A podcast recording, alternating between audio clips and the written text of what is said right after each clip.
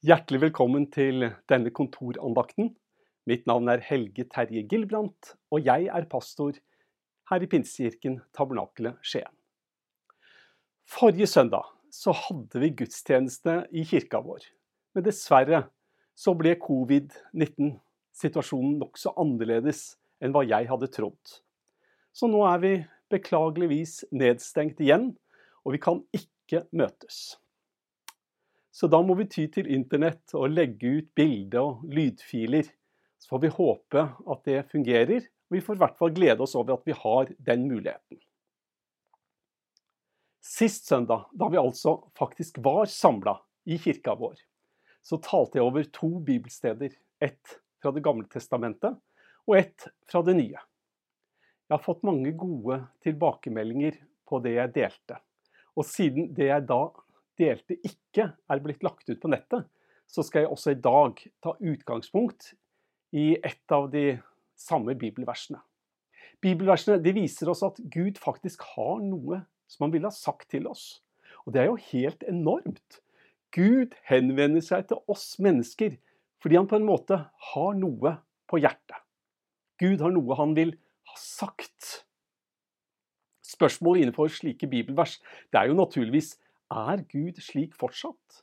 Er det slik at Gud fremdeles har noe som han ville ha sagt til deg og til meg? Jeg vil først lese bibelverset fra Det gamle testamentet. Det står i boka til profeten Jeremia, kapittel 29, og vers 6. For jeg vet de tanker jeg tenker om dere, sier Herren. Det er fredstanker og ikke tanker til ulykke jeg vil gi dere framtid og håp.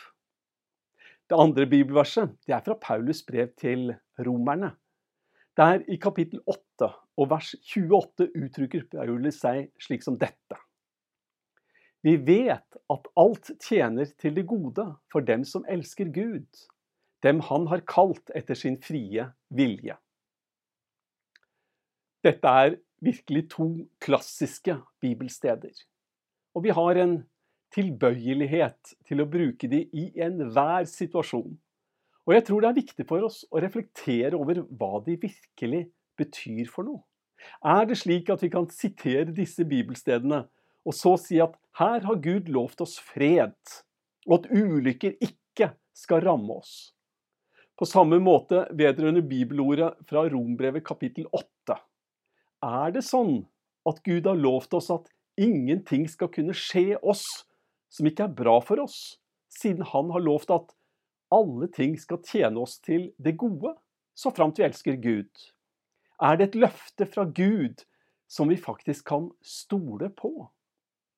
La meg aller først si jeg har valgt å tro på Bibelen. Jeg tror rett og slett at Bibelen er en Guds gave til oss som vi skal benytte for å forstå både hvordan Gud er, og hvordan vi skal leve. Men og det er et stort men. Men jeg tror ikke på alle mulige og umulige fortolkninger av hva Bibelen faktisk lærer oss. De fleste av oss leser Bibelen med kulturelle briller, med veldig kraftige brilleglass. Særlig ugreit blir det dersom vi selv ikke engang forstår hvor farga vår oppfatning er av den kulturen vi lever i. For å illustrere hvor fort vi kan tenke isolert i vår egen vestlige, individualistiske, liberalistiske kultur. Så la meg fortelle deg en liten historie. Denne fortellingen kan du for øvrig lese i boka 'Misreading Scripture with Western Eyes', skrevet av Brandon O'Brien og Randolph Richards. Randolph han forteller om da han var misjonær i Indonesia. Han hadde vært der en stund og ble så spurt om å gi et råd i forbindelse med at en lokal kirke sleit med, å, med et vanskelig spørsmål. Problemet var at denne menigheten var at de hadde et ungt par som hadde bodd i deres landsby i mer enn ti år, og som nå hadde spurt om å bli medlemmer av kirken. Paret var helhjerta kristne. Som nevnt, de hadde vært aktive i kirken i mer enn ti år. De hadde ikke blitt medlem tidligere, men nå var det noen som mente at de burde få lov til å bli medlemmer. Randolph forteller at han lurte jo på hva galt det unge paret hadde gjort. Og til slutt så spurte han rett ut hva er det de har gjort som hindrer medlemskap? Det var tydelig at eh, kirkelederne syntes dette, eller det hele var så, såpass ille at det nesten var pinlig å si det som det var, og fortelle hva som hadde skjedd. Men på et direkte spørsmål så ga de et åpent svar. De hadde giftet seg og rømt hjemmefra. Randolph forteller at han klarte ikke å stoppe ordene han sang. Det liksom bare datt ut av munnen hans. Is that all? Er det alt? Dette paret hadde altså bestemt seg for at de ikke ville gifte seg med den som familiens leder hadde utpekt. De ville gifte seg med hverandre. Så de hadde rømt hjemmefra og gifta seg imot foreldrenes ønske. Randolph spurte, men er det så galt, da? Og de lokale kirkelederne ser på sin amerikanske misjonær, og så spør de Har du ikke lest Paulus? Randolph sin doktorgrad, altså ph.d., var nettopp om Paulus, så han mente jo at han absolutt hadde lest Paulus. Men han leste jo med sine vestlige, liberalistiske, individualistiske briller.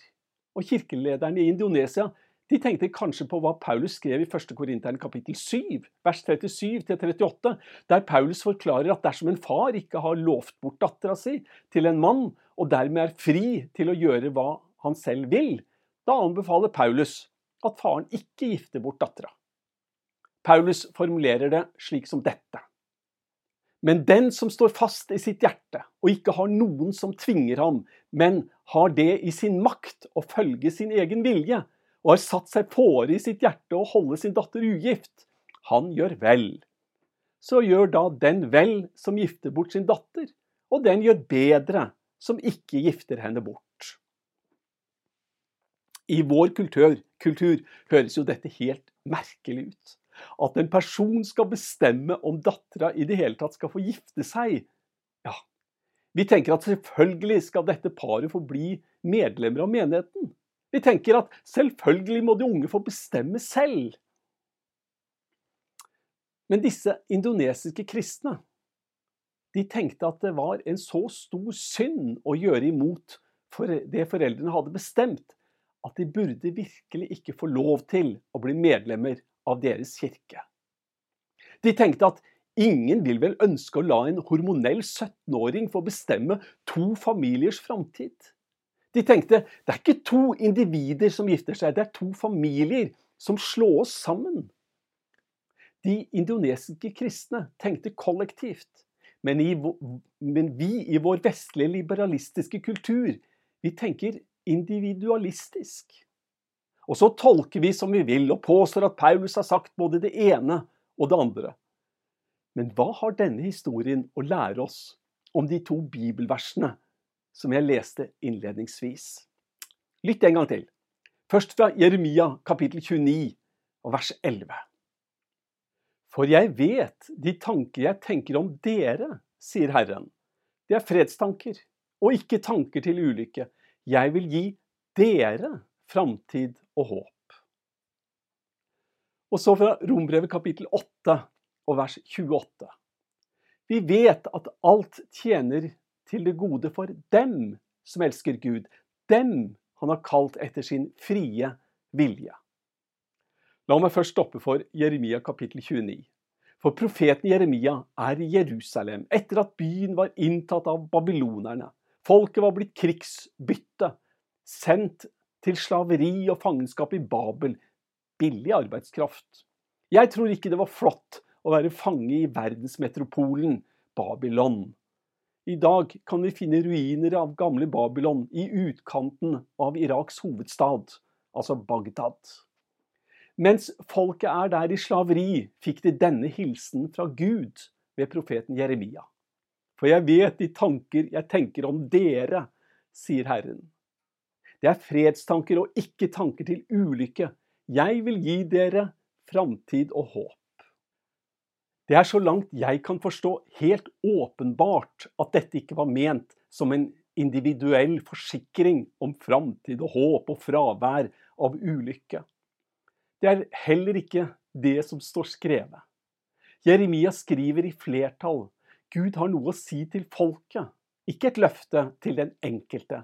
Og hovedoppfyllelsen skulle faktisk ikke skje før flere generasjoner etter at forsikringen ble gitt. Folket skulle være i fangenskap i Babylon i 70 år. Og 70 år er lenge og mange generasjoner. Nå skal det legges til at en delvis oppfyllelse av at Gud hadde fredstanker, var at Gud skulle velsigne Israel mens de var i Babylon. Det skulle Gud gjøre ved å velsigne de som faktisk hadde bortført dem. Men det er en helt annen del av fortellingen. Vi møter akkurat samme, den samme tanken i Paulus brev til romerne. Paulus underviser ikke om enkeltpersoner. Han peker på det kollektive. Det er vi, med vår vestlige, liberalistiske og ikke minst individualistiske måte å tenke på, som automatisk tolker alt som er sagt, til å gjelde oss selv, sånn helt personlig. Løfter som Gud har gitt til sitt utvalgte folk, sagt i en spesiell kontekst for flere tusen år siden, det er vi frimodige nok og selvsentrerte nok til å påstå er Guds tale til nettopp oss selv. Og la meg si det slik, med den type tolkninger blir mange bibelsteder nokså meningsløse. Å sitere Jeremia 29 til mennesker som er i ferd med å bli utrydda i de mest grusomme folkemord, det blir meningsløst. Å påstå i en slik sammenheng at Gud har lovt å bevare fra krig og ulykke, blir ord uten innhold. Selvfølgelig har ikke Gud lovt det, for om han hadde lovt det, så hadde han holdt det. Vi må jo tro at Gud holder ord. Jeg er helt sikker på at vi kan stole på Gud. Vi kan jo naturligvis også tolke det dit hen at Gud ser ting i et evighetsperspektiv, og at det kommer til å gå bra til slutt. Og det er naturligvis veldig sant.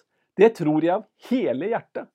Men det betyr ikke at vi uten videre kan tolke alle bibelord helt som vi vil. Helt uten å faktisk tolke det i den sammenheng det faktisk ble sagt. Det jeg tror profeten Jeremia og Paulus faktisk sier, det er noe nesten ufattelig stort og godt. For mennesker som opplever fangenskap, bortførelse, fornedrelse av verste slag, så har Gud noe å si. Gud sier det skal ikke alltid være sånn som det. Gud lovte Noah etter vannflommen at han aldri ville tillate at jorden skulle bli ødelagt.